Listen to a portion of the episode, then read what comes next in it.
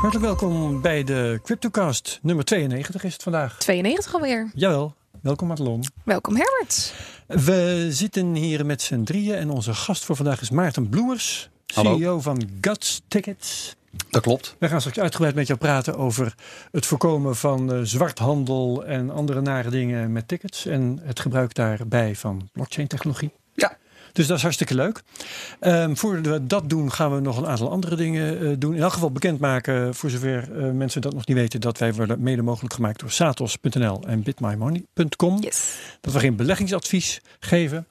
En dat wij ook te zien zijn op YouTube. Ja, zeker. Daarvoor staat nu weer een hele nieuwe camera voor ons eh, aan de overkant van de tafel te brommen. Ja, we zitten er iets anders bij dan de vorige keer. Ja, en er zijn nog meer experimenten op til, maar daar ga ik nou niks over loslaten. Maar in ieder geval, ook deze aflevering, als je audio alleen niet genoeg vindt, is ook op video te krijgen. Yes. Hallo daar, videokijkers. Goed, eh, maar voor de verandering gaan we vandaag beginnen met de prijsanalyse, Madelon. Ja, dat klopt. We gaan eerst even de koers bij langs. En de koers van Bitcoin die noteert momenteel 7440 dollar. En eigenlijk zitten we nog steeds binnen de bandbreedte waar we vorige week ook ongeveer tussen zaten.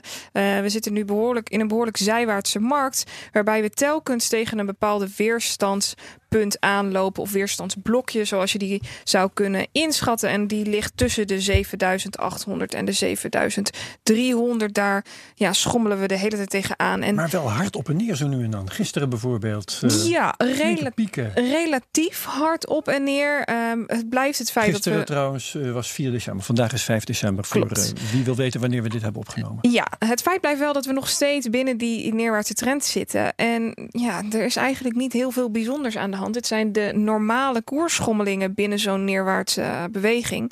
En wat wel zo is, is dat we in 2017 natuurlijk koersschommelingen zagen die vele malen groter waren dan dit. Dus de Ja. volatiliteit is naar verhouding een stuk lager. En we moeten dan ook afwachten op die uitbraak uit dat neerwaartse patroon. En we hopen natuurlijk met z'n allen omhoog. We hebben rond de 6300 dollar een zeer belangrijke steun. En ik hoop ook dat we, nou ja, in ieder geval voor januari volgend jaar uit deze neerwaartse trend breken. Maar ja, Voor januari volgend jaar. Staat Ja. niet eens vast. Wat jou betreft. Nee, dat staat zeker niet vast. Dit kan nog wel een poosje zo doorgaan. Misschien wel tot en met eh, februari, misschien wel tot en met maart. Dat we in deze trend blijven. Maar eh Het is niet vooralsnog. zo'n driehoek die, waarvan je kunt uitrekenen wanneer die openbarst. Nee, helaas niet. Een trend is gewoon een, een, een lijn die je aan Ja. de bovenkant over de toppen tekent en aan de onderkant over de bodems. En daarvan kunnen we niet zeggen dat die op een bepaald punt ergens moet uitbreken, omdat de posities dan in de knoei komen. Het is nu simpelweg gewoon afwachten. En ik wou dat ik in de toekomst kon kijken, maar dat kan ik niet. Nee.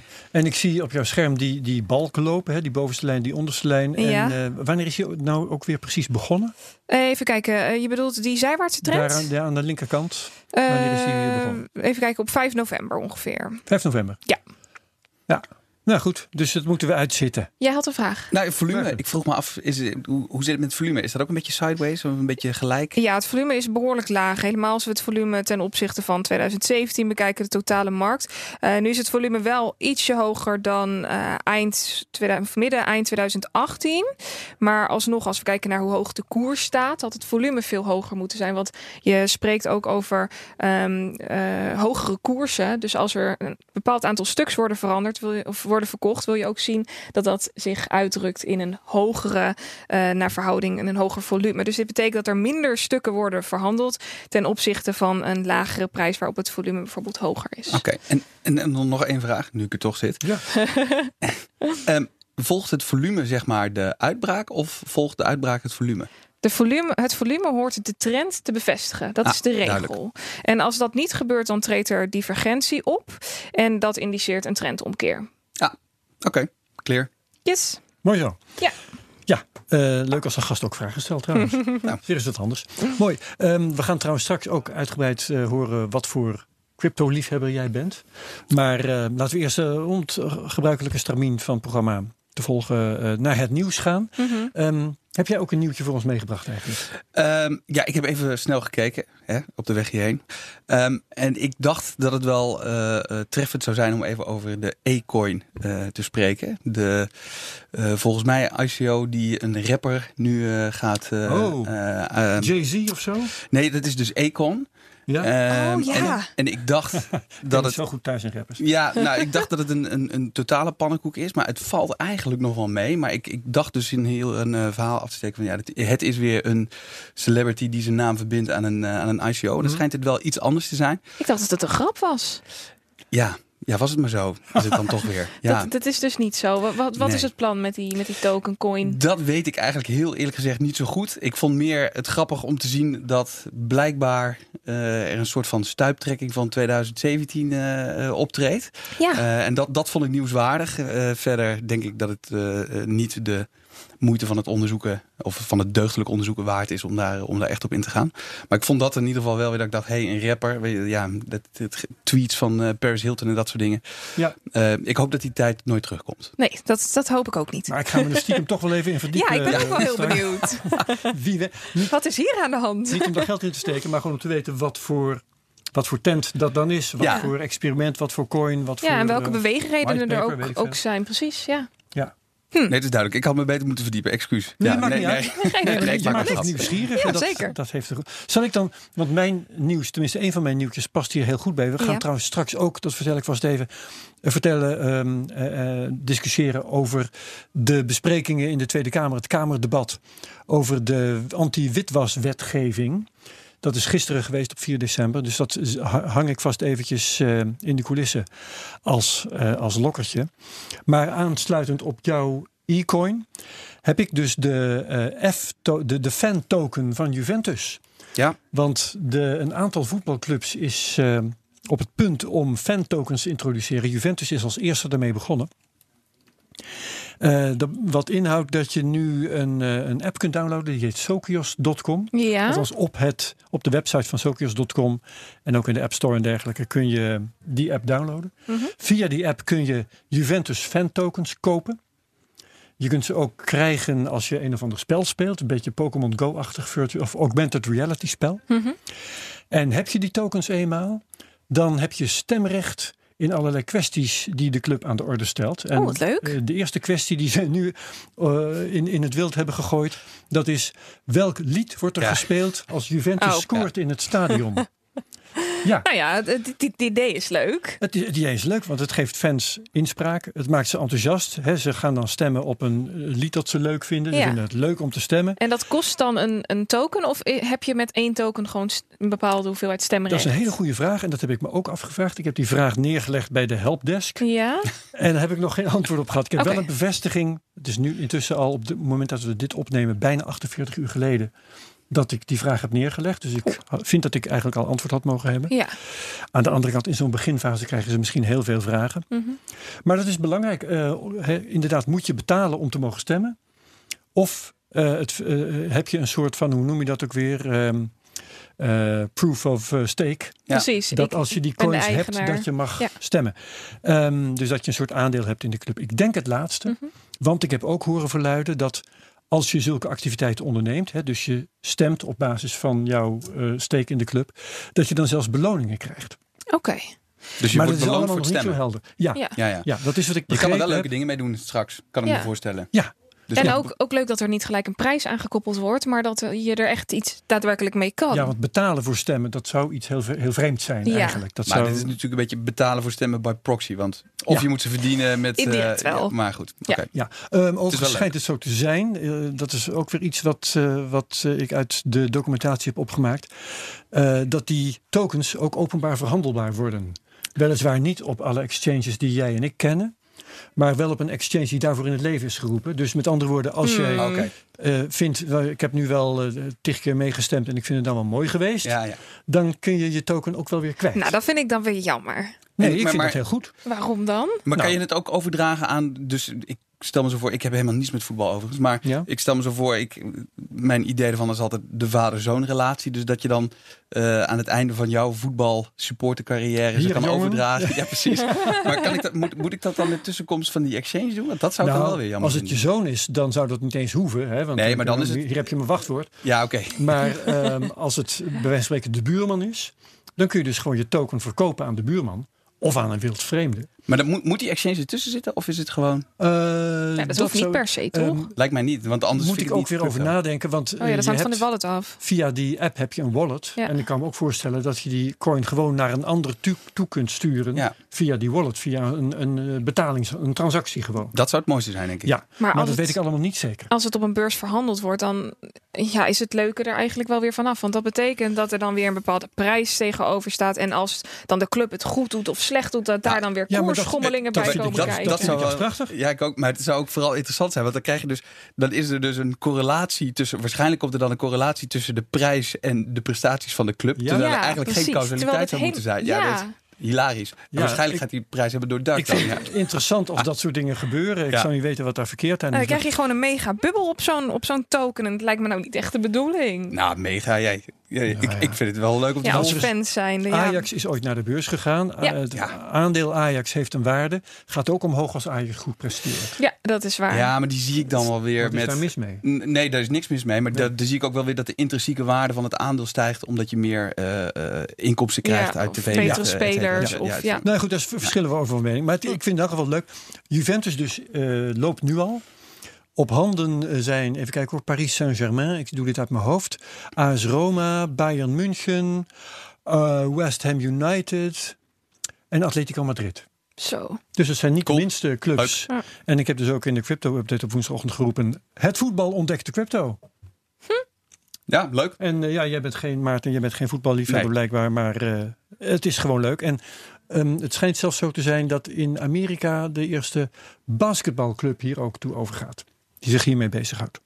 Dus er is uh, veel aan het gebeuren. En um, wat je verder nog kunt afvragen, waarom zou het crypto moeten zijn? Hè? Mm -hmm. uh, en dat is ook nog wel leuk om te vermelden. Uh, het is dus echte crypto. Want het is gebaseerd op de blockchain van, en nou moet ik even heel diep in mijn geheugen tasten. Op CoinMarketCap was het geloof ik coin nummer 86 of 87 of zo. Ja. Die weet ik niet uit mijn hoofd, Herbert, sorry. Wat is dat nou? of iets dergelijks. Een hele rare naam, een hele vage coin. Oké. Okay. En als je, ik ga straks ga ik hem nog even opzoeken. Nou heb ik genoeg geluld over dit onderwerp. Dus die zoek ik zo nog eventjes op. Ja. Dit was een van mijn nieuwtjes. Ik heb er zo nog één. Nu jij, Madelon. Ja, ik heb een, een nieuwtje wat eigenlijk aansluit op wat we zo meteen gaan bespreken. Over ja. uh, de nieuwe witwasrichtlijnen, et cetera, et cetera. Uh, en dat gaat over de banken in Duitsland. Er is namelijk iets raars, interessants gaande. Um, want banken in Duitsland mogen vanaf 2020 een andere of andere cryptovaluta dan Bitcoin, Bitcoin en andere cryptovaluta op gaan slaan. En dit is het ja. gevolg van de implementatie van de vierde anti-witwasrichtlijn, dus die AMLD 4. En in Duitsland is het zo dat als je een wet uh, goedgekeurd wil hebben, dat ze dan eerst door de Tweede Kamer, dus de Deutsche Bundestag of zo, als ik me niet vergis. Bundestag, de, de Bondsdag. Bundestag, precies. Ja. ja, dat. Mijn Duits is niet zo uh, perfect, sorry. Um, en die heeft het wetsvoorstel al goedgekeurd en dan is het aan 16 deels staat om ook nog goedkeuring te verlenen. Dat is nu uh, up and running. En uh, er wordt verwacht dat daar geen hinder wordt ondervonden. En dit betekent dus dat strakjes niet alleen cryptobrokers uh, dit product, bitcoin en andere cryptocurrencies kunnen aanbieden, maar ook banken in Duitsland en wellicht ook wel banken in de rest van de Europese Unie. Omdat het een Europese wetgeving mm -hmm. is waar dit op gebaseerd is. En dat zette me aan het denken. En ik zal strakjes mijn um, idee hierover wat meer toelichten als we het hebben gehad over uh, Simon Lelyveld, die uh, meer info heeft over het wetsvoorstel betreffende de cryptobrokers in Nederland. Ja. Uh, want ik heb het idee dat er hier iets groters achter zit. En dan krijg ik best wel een naar gevoel van. Maar daar gaan we zo verder op in. In ieder geval. Is het niet gewoon leuk dat banken ook bitcoin kunnen gaan aanbieden? Dat is maar de vraag, Herbert. Vanaf ja. 2020 is die mogelijkheid er. Of ze het gaan doen, is ook de vraag. En ik heb het idee dat dit een plan is van iets groters, maar daar zou ik zo dieper op ingaan. Oké, okay, dat is heel spannend. Goed. Um, heb ik nog een ander nieuwtje en dat betreft Virgil Griffith, een Amerikaanse programmeur die uh, dit weekend op het vliegveld van, ik dacht Los Angeles, is gearresteerd. Want hij was in oh ja. Noord-Korea geweest. Ja. En in Noord-Korea heeft hij een praatje gehouden over Ethereum. Mm -hmm. En niet alleen dat. Uh, hij heeft ook gedemonstreerd hoe je met niet al te veel moeite uh, ter plekke een één ether over kon maken naar Zuid-Korea. En in Amerika wordt hij nu dus ervan beschuldigd de sancties te hebben ontdoken die gelden tegen Noord-Korea. En ja, in juridische zin denk ik dat dat ook wel waar is. Mhm. En eh, ja, het huis is nu te klein, want allerlei crypto-enthousiasten die nemen het nu voor hem op. Ja. Eh, bijvoorbeeld George Provoost, die hier al eens een keer te gast is geweest, Nederlandse natuurkundige crypto-liefhebber. Mhm. En hij komt hier binnenkort echt ook wel weer. Die zei van, stel nou dat hij heeft hij een stuk over geschreven op Medium, zal ik naar linken in de show notes. Eh, stel dat ehm, Virgil zijn praatje niet in Noord-Korea had gehouden, maar hij had het op YouTube gezet. En hij had eh, getwitterd: Hey Kim eh, eh, Jong-un, kijk hier eens naar, het is interessant voor jou. Dat zou in de Verenigde Staten onder de vrijheid van meningsuiting zijn gevallen. En er was Ja. niets aan de hand geweest. Nu heeft hij het gedaan in Noord-Korea en is het niet goed. Ja, ik denk dat het vooral te maken heeft met het feit dat ze, hem- ze hadden hem toch toestemming geweigerd om naar Ja, Noord-Korea Hij te heeft gaan. toestemming gevraagd, niet gekregen, Ja. is toch gegaan. Maar ik denk dat het hem vooral daarin zit. Die, die burgerlijke Dat ongehoorzaamheid. hij dat hem, heeft eh, uitgedaagd. Ja, Dat want kan, ja. ook, ook vanuit een juridisch eh, perspectief zou ik toch wel durven beweren dat eh, iemand daar een straf voor geven. Eh, dat, ik denk niet dat dat eh, in lijn is met, met, de, met de proportionaliteit en de subsidiariteit. Dus nou, trekken ze zich daar misschien niet altijd iets Nou, van aan dat is in ook weer Verenigde. Ja. Maar, het is nog wel een rechtsstaat, toch? Ik bedoel, het, gaat, het gaat de go- ja. niet de goede kant op. Ik denk dat ik mensen kan vinden die er anders Ja. over denken, maar daar gaat het niet om. Oké, nee, eh, dus dat was eh, mijn eh, volgende nieuwtje. Heb jij nog meer, Madelon? Eh, nee, dat was mijn Nee. nieuws. Mooi zo. Dan gaan we nu naar het eh, Kamerdebat. En jij wil even toe naar ehm, de, het, de, even kijken hoor, eh, een audiofragment van de Tweede Kamer. Ja, en dan graag vanaf punt, eh, even kijken, We starten nu. 30, dus daar. Even kijken. Is dat Ja, 35.245 nog iets. Ja, daar. Alkaya? Yes. Maar hier Alkaya die hier ook al een keer geweest is. Ja. vandaag niet te spreken, want volgens mij is er geen enkele partij in deze Kamer die bijvoorbeeld het witwassen van crimineel geld, belastingfraude en terrorismefinanciering niet wil aanpakken. Maar de vraag is, hoe doe je dat op een manier die effectief is, die doorpakt op de financiële belangen van kwaadwillenden en niet op een manier waardoor ook de financiën van onschuldige mensen in de gaten wordt gehouden alsof zij fraudeur, crimineel of terrorist zijn. Of op een manier waardoor kleine ondernemingen verdrongen worden omdat de administratieve lasten veel te hoog worden. Hierbij speelt natuurlijk mee dat enerzijds het digitaal betalingsverkeer en alle verplichtingen die daar terecht bij horen puur aan de markt is overgelaten en dus aan commerciële partijen, maar anderzijds dat wij met z'n allen ook die dienst zo belangrijk vinden dat wij er bergen aan regels voor hebben opgesteld. En die bergen breiden zich uit. Dat zien we vandaag ook weer. Maar Ja. hier Alkaya van de Socialistische Partij. Yes, eh, Mahir die slaat hier de spijker op zijn kop. Het gaat over de, de anti-witwasregeling. Hè, die eh, Hoekstra eh, heeft van alles voorgesteld. Ja. En enfin, zeg maar wat je Ja, en, en hij zegt uiteindelijk, er is een... een- ja, er is toch een vorm, zekere mate van criminaliteit mogelijk als we kijken naar bitcoin en andere cryptocurrencies. Dat zijn we met elkaar allemaal eens. Ja, Eh, we Kan moeten met cash ook trouwens. Bla, bla, bla, bla. Zeker. We moeten de poortwachters hebben. Die moeten we wat strenger eh, ja, reguleren of iets dergelijks. Hoe die het ook maar wil verwoorden. Maar hij zegt daarbij wel, daarmee jaag je innovatie eh, eigenlijk het land uit. En daarnaast is het stukje privacy ook heel erg belangrijk. Want in hoeverre wil je onschuldige burgers... ehm, eh, wil je de gegevens van ongeschuldige burgers inzien... om het eventuele criminaliteit eh, tegen te gaan. En Ja, dat zijn twee niet met raakvlakken... een kanon op een mug. Precies, dat zijn twee punten eh, waarbij de wet, hoe die nu is voorgesteld, ehm, ja, toch niet helemaal optimaal loopt. En Simon die heeft hier een hele rits aan onderzoek eh, over gedaan en die eh, kan hier wat meer op ingaan. Ja, precies. Ehm, rapporteer ik nog even tussendoor. Ik had het net over die coin waar Juventus zijn, Ja. zijn token op gebaseerd heeft. Chilis. C-H-I-L-I-Z. Nummer. Eh, even kijken hoor. Intussen 89. Gisteren was het weer iets anders, maar hij is gezakt. Nummer 89 op CoinMarketCap. Hebben ze gebruikt? Ik ken hem ik, niet. weet ook niet waarom. Hele vage coin, maar misschien is het, heeft het wel grote toekomst. Wie zal het zeggen? Oké. Ehm, Simon. Simon dus. Ja, want eh, Simon Leeveld, die was gisteravond als een idioot aan het twitteren. Hij was daar, hij was bij het Kamerdebat. Ja. Op een vrijwel lege tribune, stel ik me voor. Ik heb het beeld niet gezien. Maar hij heeft daar als een echte journalist heeft hij daar eh, zitten luisteren en ook zitten twitteren. Mhm. En toen ik dacht, wij moeten hier nog iets mee.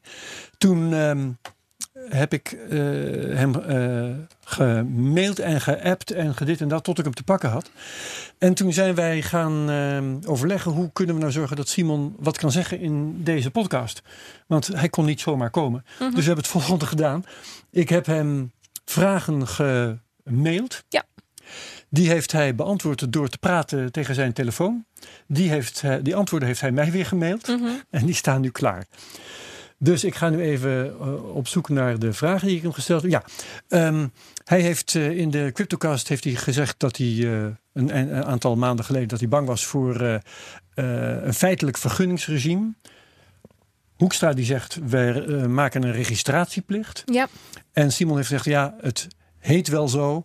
Maar als je kijkt naar waar, het werkelijk om gaat, aan de eisen die werkelijk gelden, dan wordt het in feite een vergunningsregime. Dat is veel zwaarder, is ook veel duurder. En ik heb hem gevraagd of die angst is uitgekomen. En toen zei hij tegen zijn telefoon het volgende. Ja, de zorg dat het eh, registratieregime eigenlijk een verkapt vergunningsregime eh, zou zijn, is uitgekomen. Er is een aparte juridische analyse beschikbaar gekomen van het Hart Advocaten. Eh 25 pagina's lang, veel bronnenvermelding, waarin ja, op een hele mooie manier wordt uitgelegd: dit is de wet, zo zit die in elkaar, dit is wat de minister doet, dit is wat in de richtlijn staat, dit is wat de Raad van State zegt, eindconclusie. Dit gaat veel verder dan in de richtlijn staat. Er worden een paar stukken van bankair toezicht toegevoegd. Dat was niet de bedoeling. En de minister informeerde de Kamer niet helemaal volledig of niet helemaal accuraat op dit punt. Ehm, nou, dat advies heeft niet zoveel gewicht in de schaal gelegd. Eh, de pers sloeg er niet op aan. Eh, het is bij een aantal Kamerleden geland. We zagen dat met name Alkaya op dat punt eh, zei: ja, dit is natuurlijk een verkapt vergunningsregime. Laten we elkaar niet eh, iets anders wijsmaken. Ook eh, GroenLinks benoemde, zei van ja, dit is disproportioneel. Het gaat verder dan de bedoeling is. Maar het heeft niet, het heeft niet veel gewicht gehad te midden van alle onderwerpen van het, van het debat. Ja, de zorg dat het registratieregime... Oh, dit is alweer zijn antwoord op het volgende, zou zijn. op de volgende vraag. Die zal ik nog eventjes erbij halen. Ehm, hij, hij heeft... ehm, eh, even kijken hoor. Ik heb hem gevraagd, wat betekent dit nou voor Nederlandse cryptobedrijven? Want daar wordt veel geklaagd over dat deze nieuwe regulering de kosten de hemel in zal jagen. Ja, als je kijkt naar de kosten van het toezicht, dan eh, ja, zegt de minister: ja, ik herken me niet in de opmerkingen van de sector dat die kosten zo hoog zijn. Nou, daar moet hij toch even in, de spiegel kijken. De minister heeft zelf een rekenkundig verkeerde opgave van de kosten gemaakt bij de consultatie met de markt. Eh, de Nederlandse bank heeft nagelaten de sector te informeren dat er 2 miljoen aan eh, directe kosten toezicht over zou uitgesmeerd worden. De berekende nalevingskosten van het toezicht waren 80.000 euro in de januari-versie van het wetsvoorstel. Maar gezien de augustus- of de juli-versie van het wetsvoorstel kun daar nog wel 80.000 bij tikken vanwege het extra toezicht. Dus ja, je komt ergens rond die 150.000 euro eh, nalevingskosten en dan pak een beet eh 25 à 50.000 euro registratie- en vergunningskosten. Ja, laat het tussen de 100 en de 200.000 euro zijn. Dat is een beetje koffiedik kijken. Maar ja, de minister deed dat heel flauw af met een jijbak van... ja, ik herken me niet in de opmerkingen van de sector over de kosten. En dat, dat was een, eh, een teleurstellend deel. In ieder Zo, dat is ehm, eh, het, eh, het onderdeel kosten. Eh, zijn dit soort reguleringen voor eh Guts Tickets belangrijk eigenlijk, Maarten? Vraag ik me af. Nee, we zijn, we zijn geen eh, custodial wallet. Jullie hoeven geen Nee. coins te verhandelen. Nee, als die, als die FATF-regels eh, omgezet worden, if en when, dan zouden we wel eh, daarmee te maken hebben. Maar vooralsnog zitten we goed. Ja, oké.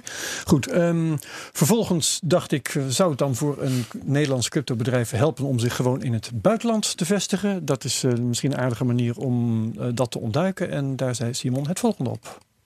Ja, dat, dat helpt. Eh, belangrijk is dat je niet expliciet je op de Nederlandse markt richt. Eh, en expliciet je op de Nederlandse markt richten kan blijken uit de taal op je website. Dus als daar Nederlands staat, dan wordt het verhaal al lastig te houden. Dan moet je toch nog steeds die registratie gaan halen bij DNB.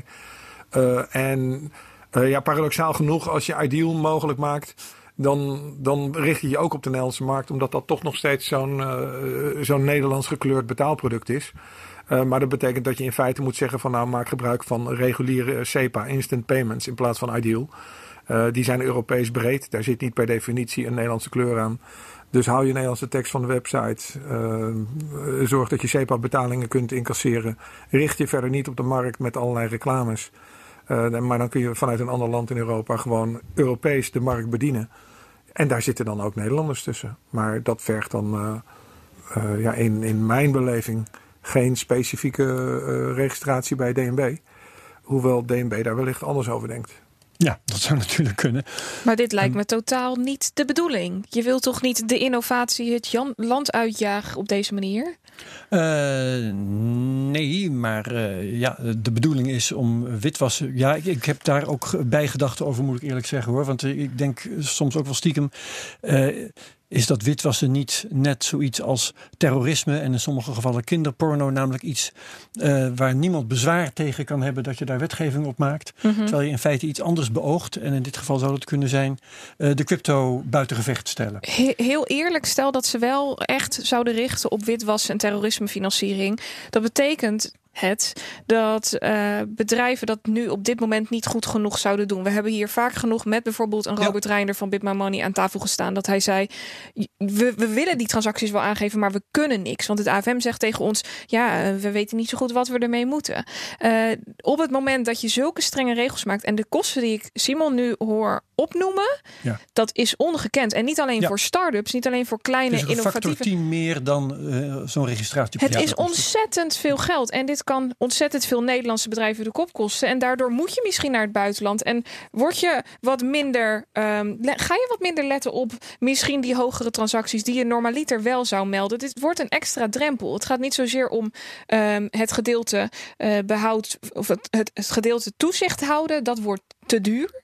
En um, het onderdeel waar nu een Bit My Money en een Satos al ontzettend goed op focussen. Dus uh, rare transacties melden, et cetera, et cetera. KYC, dat wordt allemaal op dit moment hartstikke goed gedaan. En dat kan ja. misschien nog een stapje beter. Maar dat is niet hetgeen wat, wat nu het bezwaar is of waar de kosten uh, zo erg op oplopen. Ik vind het gewoon erg dat het zo duur is. Ja, wat Maarten. Ja, ik, ik heb hier een vrij uh, sterke mening over. Kijk, ik ben, ik ben crypto-enthousiast hè, en ik, ik zou willen dat het hartstikke groot wordt en, uh, en, en alles. Maar wat ik, wat ik vaak in, in, uh, in verschillende podcasts een beetje, een beetje hoor, is, is dat je toch een soort van uh, ons tegen hen gevoel krijgt. Mm -hmm. um, en hoe graag ik het ook zou willen, maar mijn opvatting is dat crypto is nog zo klein. Uh, er zit geen grotere bedoeling achter van we gaan crypto de, de kop omdraaien. Gaan het we het zo gewoon, nog over hebben. Het is ja. gewoon onwetendheid en, en geen idee. Oh joh, we jassen er wel een wetje doorheen, uh, witwassen, prima, weet je. Het, mijn electoraat brokkelt, brokkelt er niet vanaf, want zo klein is het nog. Ja, ja, uh, wat maakt mij het uit, joh, we jassen dat ding er doorheen. En uh, deze meneer van de SP, die, die heeft zich erin verdiept. Dat is overduidelijk en, en dat is zeg maar, fijn om te zien. Maar voordat we uh, uh, er aan toekomen dat ze bij de Kamer gaan overwegen om crypto dwars te gaan zitten, dan ben je echt nog wel even verder. Dat is ja. mijn opvatting. Ja, ja. Oké. Okay. Ja. Overigens, um, Mahir Alkaya van de SP krijgt uh, van jouw complimenten. Zeker. ook van Simon. Simon noemde trouwens ook snel van GroenLinks. zeg ik nou snel? Nee? Hoe ja, volgens, volgens mij wel. Hij, hij staat ja. sowieso hier aan de zijkant. Okay. In ieder geval, um, nu we het er toch over hebben, fiets ik meteen eventjes naar de vraag die ik Simon heb gesteld van uh, wat zit volgens jou nou achter de ah, ja. strengheid oh, van uh, financiën? willen ze nou echt crime fighten of willen ze alleen maar de uh, stok hebben om de cryptohond te slaan? En dit is zijn antwoord. Waarom is financiën zo streng en, en wordt er zo'n groot kanon opgetuigd in het toezicht op de cryptospelers? Uh, nou, wat je kon zien in de Tweede Kamer is dat uh, Hoekstra is natuurlijk de man van het grote gebaar, het grote woord. Uh, en niet per definitie de man van de feiten erachter. dus er werd een heel groot betoog over criminelen neergezet. Waarbij de, de mentale associatie met drugdeals en, en hardcore criminelen. Het Amsterdamse rapport over de narco-staat werd aangehaald. Dus er wordt een heel groot concreet beeld geschetst over boeven, boeven, boeven. Dus je, je ziet ze haast al lopen over straat. Uh, en de feitelijke cijfers rond die pakken bij 20 miljard witwassen zijn dat het grootste gedeelte van die witwasgelden uh, van, uh, ja, zitten in fraude, zitten in belastingfraude. En een relatief beperkt deel, pakken bij 20%, zit in fraude en drugs. Dus als je werkelijk naar de cijfers kijkt, dan zie je dat, dat de minister zich meer zorgen moet maken over zijn eigen belastingverdragen dan over wat er in de cryptowereld gebeurt. Maar het politieke spel en de politieke realiteit is dat dat natuurlijk hem niet uitkomt. Hij heeft een opdracht internationaal. Hij ziet zelf een opdracht om criminaliteit uit te bannen. Uh, en die opdracht wordt heel absoluut genomen. En daar wordt niet een tegenwicht in geboden. Dus het is een absolutistische uh, strijd tegen criminaliteit die we moeten winnen. Uh, ja, er, er, is geen enkel benoemen van de balans die je in maatschappelijke belangen moet doen. Kijk, iedereen is natuurlijk voor een, schone milieu. Ja, hartstikke goed. Maar ja, wil je dan uh, 100 km per uur gaan rijden? Er is altijd een afweging die je politiek moet maken. En in dit dossier uh, was geen sprake van afwegingen. Alleen maar rechtdoor vooruit. We gaan witwassen bestrijden en uh, alles moet daarvoor wijken. Nou, dat is van een monomanie die we ook bij de kindertoeslagen hebben gezien. En dat is een monomanie die niet goed is voor een samenleving. Alleen dat ontdekken we pas over zeven jaar. Dat is jammer. Ja, ben ik helemaal met hem eens. Ja. Ik zag je al knikken. Ja, nee, ja, ik vind het ook wel grappig dat hij toeslagen erbij haalt. Maar de, nee, de, ja. Ik, de, ja, ik ben het daarmee eens. Maar alleen ik denk niet dat het is van... oh, we beven voor de bitcoin en de, en de, en de crypto-beweging. Joh, ze hebben geen idee, joh. Dat, ja. dat is echt wat ik denk. Ze hebben geen idee. Oké. Okay. Um, en dan nog, terwijl mijn scherm op zwart gaat. Um, ja, oh ja, wat gaat de Nederlandse burger daar nou eigenlijk van merken? Uh, krijg je bijvoorbeeld hogere fees of krijg je minder keus in exchanges? Uh, dat is de mening van Simon. Wat je als klant merkt, is dat je misschien minder bij Nederlandse spelers terecht kunt in de markt. Wat je gaat merken is dat er veel doorgevraagd gaat worden door spelers over wat is je inkomen, waar komt het dan vandaan en heb je een salaris, wat is het dan voor salaris en hoe betaal je dit dan. Dus er wordt doorgevraagd. Er worden extra informatie gevraagd en opgeslagen bij de crypto-exchanges. Wat je niet merkt, maar wat wel gebeurt, is dat die informatie doorgespeeld wordt aan de politie uh, en het uh, meldingspunt ongebruikelijke transacties. Als de exchange dat uh, ongebruikelijk vindt. Er is een verbod om die ongebruikelijke transactie te melden. Dus de informatie gaat wel naar de overheid, maar je weet er niks van. En ja, dat, dat, ja, dat, dat is een beetje de, de impact. Dus je, eigenlijk wat je, je, er wordt je meer gevraagd, je raakt je privacy kwijt. En mogelijk moet je naar een aantal buitenlandse spelers. Of, of hè, is er nog een minder groot aantal Nederlandse spelers waar je uit kunt kiezen. Oké, okay, um, januari komt het in de Tweede Kamer. Nee, wacht even. Volgende week komt het in de Tweede Kamer. Ja, dan gaat ze stemmen. Januari in de Eerste Kamer. En uh, dan zitten we er verder aan vast. Wordt ja. gewoon doorgehamerd hoor. Daar, uh, daar, daar ben ik echt van overtuigd. Ja, Niemand ziet dat niet meer tegengehouden nee, worden in de Eerste Kamer. Nee, nee. Kijk, als er nou eens iemand zich zo zou verdiepen als die meneer van de SP, ik kan zijn naam even niet Maar hier, uh, dan, dan, uh, dan, dan heeft het echt een goede kans. Uh, maar vooralsnog uh, zitten daar 149 andere mensen die van toeten nog blazen weten. Dus dat ja. wordt gewoon afgehamerd en uh, we gaan weer door. Meer Madelon? Um, nou ja, ja, waarschijnlijk wordt het doorgedrukt. Ik kan er niet heel veel over zeggen. Ik ben geen expert wat dat betreft. Um, maar om nog even terug te komen op mijn complottheorie. Ja. Ik heb namelijk wel een uh, gedachte hierachter. Ik denk namelijk dat die Duitse wet die er afgelopen week doorgedrukt is, hier wellicht wat mee te maken kan hebben. En uh, ik reageerde toevallig deze week die, op een. Uh, precies. Ja. Ik reageerde toevallig deze week op een tweet van Dennis Binnenkade, die dit ook naar buiten bracht. En ehm, ik vroeg hem, wat is nu de volgende stap? En uh, niet Dennis reageerde, maar Bart van Maarseveen reageerde. Mhm. Mm -hmm. En die zei, nou... Die is hier wezen praten over Komodo bijvoorbeeld. Precies. Ja, en ja. nog trouwens ook over het niet kunnen krijgen van een bankrekening. Ja, ja ook een belangrijke aflevering. En, uh, en hij zei, denk eens eventjes goed na. Wat nou als hier een, een groter plan achter zit? De regels voor cryptobrokers zijn bijna net zo streng als de regels voor banken. Wat nou als ze strakjes hetgeen omdraaien? Banken die mogen crypto's gaan aanbieden. Maar om crypto's aan te kunnen bieden, heb je een vergunning nodig en dus een bankvergunning. Hier in Nederland krijg je als niet bank zijnde niet zo makkelijk. Volgens mij zijn er drie bedrijven in Nederland die geen bank zijn en toch een bankvergunning hebben. Welke zijn er dan? Uh, dat is knap. Dat is de beurs en dat is, dacht ik, N-Exchange. Oké. Okay. En ja. um, dus de beurs Euronext bedoel ik daarmee. En het zou dus best eens kunnen dat ze hem strakjes gaan omdraaien. En dat ze zeggen, nou weet je wat, al die nieuwe regelgeving hebben we helemaal geen zin in. Je moet bijna aan dezelfde regels voldoen. Dus je hebt gewoon een bankvergunning nodig. En als dat gebeurt, dan is de hele innovatie, is de hele crypto broker exchange in Nederland weg. En nee. dan hebben de banken opnieuw de macht. Het ligt opnieuw het geld bij de derde partij. Ja. En dat is misschien een complottheorie. Nee, maar, maar dat, dat, ik, ik snap dat je het zegt. En, uh, de mogelijkheid is er. Ja, zeker. Ik vind, ik vind het ook echt best wel een, een, een, een grappig idee. Maar nou ja, grappig. Vooral, nee, vooral ja, pijnlijk. Ja, dat, dat snap ik. Maar kijk, het, Slim bedacht. Ja, ja, precies. Maar mijn ervaring is, en ik loop uh, slechts, uh, wat is het, 38 jaar op deze aardkloot rond. Er zit niet zo'n masterplan achter. Mensen doen maar wat. En uh, dat, dat is echt wat ik, wat ik een beetje ervaring ik hoop heb. Het, ik hoop weer erg dat dat een geruststelling moet zijn. Ja, ja. ja. ja maar, nou ja, goed. maar maar wat ik wou zeggen, kijk, crypto en, en bitcoin, dat, dat zal altijd een beetje aan die rafelrandjes blijven blijven zitten Mhm. eh, van, van het financiële stelsel. Ehm, dus ze, ze kunnen het niet stoppen. En dat is juist het mooie ervan. Dus joh, laat ze lekker gaan. Eh, zolang ze eh, niet eh, met de IVD eh, mijn, mijn eh, hardware ledgers uit mijn la komen Nou, dat is de trekken. volgende stap. Hè? Die komt nog. Nee, maar dat- ik, ik, ik denk dat daar nog heel veel water door de Rijn voor moet voordat we daar zijn. Ja. Ehm, maar ik, ik, ik, ik, bedoel, ik zie het wel. En Het, het zou zeker kunnen, ja. Ja ik, hoop, ik hoop dat ik het juist heb. Ja, en, dat, en hopen- jij niet. dat hopen we volgens mij met z'n allen. Precies. Yes. We ronden dit af. Ja. Dat wil zeggen, we gaan over iets anders beginnen. Yes. Want Maarten Bloers van Guts Tickets. Wij eh, stellen jou de vraag die we altijd eh, om te beginnen aan gasten stellen. Hoe eh, heb jij crypto ontdekt?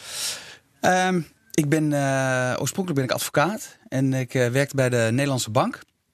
En eh, daar leren ze je een beetje hoe geld eh Het werkt. is nogal een verleden. Ja, en eh, toen dacht ik, joh, dat meen je. Eh, want ik wist, ik kwam vers uit de universiteit. Ik had echt geen idee. Eh, en toen ben ik me daar een beetje in gaan verdiepen. En toen eh, eh, een vriend van mij, die ook wel eens hier in de uitzending is geweest, Marius Jansen, die was er echt Ja. die was er heel, heel vroeg bij. En die zei de hele tijd, Maarten, toe nou, je moet. En ik dacht, heet, ja joh. En toen op een gegeven moment dacht ik, ja, ik wacht wel even tot de prijs wat zakt. En, maar ik, ja, ik zag het gewoon nog Oh, je niet moet zo. eh, investeren. Ja, je moet, je moet bitcoin Kopen. kopen. Ja, Ja. ja. Ja, ja, ja. Hij was een gek, zei hij. Oké. Eh, Hij had gelijk. Ja, hij had 100% gelijk. Natuurlijk. Ja, zeker. Ehm, maar ik heb dat eigenlijk altijd een beetje afgehouden en wel in de gaten gehouden. En ik heb ooit eens wat, eh, wat Litecoin ge, gemined op mijn eh, oude dingetje. Maar dat was toen al een beetje lastig. Mhm. Ehm, en toen heb ik eigenlijk mijn eerste bitcoin gekocht voor de Ethereum ICO. Oké, Want daar kon je alleen met... dus dat eh, was begin 2017 of zo. eh, nou, ik heb dat gisteren even opgezocht. Ehm, en dat was augustus 2016. 16 dan, ja. Oké. En toen kocht je dus bitcoin mooi moment. om mee te doen Maar- aan de Ja, ICO ja. van Oh, ja. Dus maximalisten zullen nu zeggen eh, bitcoin op een shitcoin. Ja. maar eh, en, en, en de reden daarachter was, was vrij simpel. Kijk, voor eh, bitcoin is, is de toepassing is duidelijk. Hè? We willen een, een, een, een digitale, decentrale currency hebben. Mhm. Ehm, en voor Ethereum was dat nog helemaal niet bekend. En wisten wij veel wat het allemaal ging worden. Mhm. Ehm, en, maar ik vond zelf executerende contracten vond ik gewoon heel interessant. Ja. Helemaal met mijn juridische achtergrond. Ik dacht, daar Ja. kan ik wat mee. Eh, weet ik veel. Tesla's die niet open gaan op het moment dat je je shortlease niet hebt betaald. Huizen die zichzelf te koop zetten. Ik zat helemaal op die trant van, nou, dat lijkt me leuk. En Ja. ik wil daar gewoon mee experimenteren. En heb je daar toen ook concreet iets mee gedaan? Nee. Nee, ik heb dat even vastgehouden en op een bepaald moment weer, eh, weer verkocht. Maar het zat wel in mijn hoofd. Want toen Mhm. heb ik er wel een beetje onderzoek naar gedaan. En Ja. toen ehm, eh, dacht ik wel de hele tijd, ik moet hier iets mee. Want ik, ik zag wel de, de potentie. En die zie ik nog steeds, ook voor Ethereum. Ja. Eh, dus die zag ik wel. En toen, eh, maar ik dacht van ja, wat, wat moet ik er nou op gaan bouwen? En, en het probleem bij heel veel eh, blockchain projecten is, je gaat eigenlijk altijd iemand pijn doen op het moment dat jij een nieuwe standaard oplegt. Dus je gaat altijd een, een tussenpersoon eruit halen. Mhm. Nou, en verzin dan maar eens een, een, een, een keten waar het nog enigszins eh, mogelijk is om eh, tractie te krijgen zonder dat jij de grote mensen eh, pijn doet. Ehm, en En je bedoelt dat wil je vermijden om uit de moeilijkheden te blijven. ja, nou nee, niet uit de moeilijkheden, maar gewoon om, om het grote mensen pijn doen, als je met grote mensen bedoelt grote bedrijven, monopolisten, weet ik veel. Dat is juist heel stoer. Ja, zeker. Dat is heel stoer. Maar transport vond ik heel interessant. Hè? Dus Mhm. ik, ik bestel duizend tv's in, in Taiwan. Ehm, en, en nou ja, het, het zou heel mooi zijn. Hè? Dus al die kochtnogsomenten en, en die vrachtbrieven. Dat zou je allemaal prachtig op blockchain kunnen doen. Mhm. Maar je moet dus eh, niet alleen die producent in Taiwan dan overtuigen van het feit dat hij eh, eh, mijn digitale cognoscement moet accepteren. Maar ook al die mensen daartussen. En dat is een onmogelijke taak als, als klein Calimerootje. Want dan heb je honderden miljoenen nodig om, om Ja. dat goed uit te rollen. En tickets was het allereerste waarvan ik dacht... hé, hey, maar dat kan je doen, want ik kan gewoon direct naar de artiest... en ik kan gewoon vragen, joh, als jij het nou eens eventjes... bij al jouw mensen die onder jou hangen er doorheen drukt... dan heb je een kans dat je, het, dat je het als een olievlekje kan laten groeien. Hoe kwam je ineens op dat, op dat idee? Van eh, eh, het verschepen van tv's naar ticketing? grote stap. Ja. Ehm, eh, nou ja, kijk, het- ik bedoel, het is, het, smart contract is eigenlijk een, het registreren van een afspraak hè, in, eh, in blockchain. Ehm, maar ik was eigenlijk gewoon, ik was aan het sporten en ik luisterde een radiodocumentaire van Argos over secondary ticketing. Ik had geen flauw benul dat het überhaupt bestond. Ik wist er echt helemaal niks van. Maar in die, in die documentaire zeiden ze de hele tijd dat niemand de authenticiteit van die kaarten kon garanderen. En toen eh, ging bij mij een licht branden. Toen dacht ik, nou, Dat volgens, kan ik. Volgens mij kan dat. Ja, Ja. ja. en ik weet nog, ik weet nog precies. En uh, toen ben ik naar huis gegaan. Toen vertelde ik mijn vriendin, maar ik kom altijd thuis met het idee. En die zei ja, ja, ja. Zal wel weer. Ja, en toen de volgende dag... Uh, dus eerst maar even uit. Ja, ja. exact. En de volgende dag uh, vertelde ik het gewoon aan een, aan een vriend van mij... waar ik een kopje koffie mee ging We zaten in hetzelfde bedrijfsgebouw. En die zei, ja, gaan we doen. Aha. En toen, wat was de eerste stap? toen zijn wij een... ik, ik had ondertussen een ander bedrijfje eigenlijk ook op het standaardiseren van, de, van juridische werkzaamheden. Dus een soort uh, rechtsbijstandsverzekeraar light. Um, en ik was op zoek naar developers. Hij was op zoek naar developers. En we dachten, goh, we gaan een hackathon organiseren. Dat hadden we al eerder besloten. En dat doen we in uh, Lvov in Oekraïne. Om eigenlijk uh, zoveel nieuwe developers te werven. En dit was eigenlijk de opdracht dat we dachten, oh, lachen, ga maar eens bouwen. En dan kunnen we gelijk eens kijken of dat een beetje werkt, blockchain.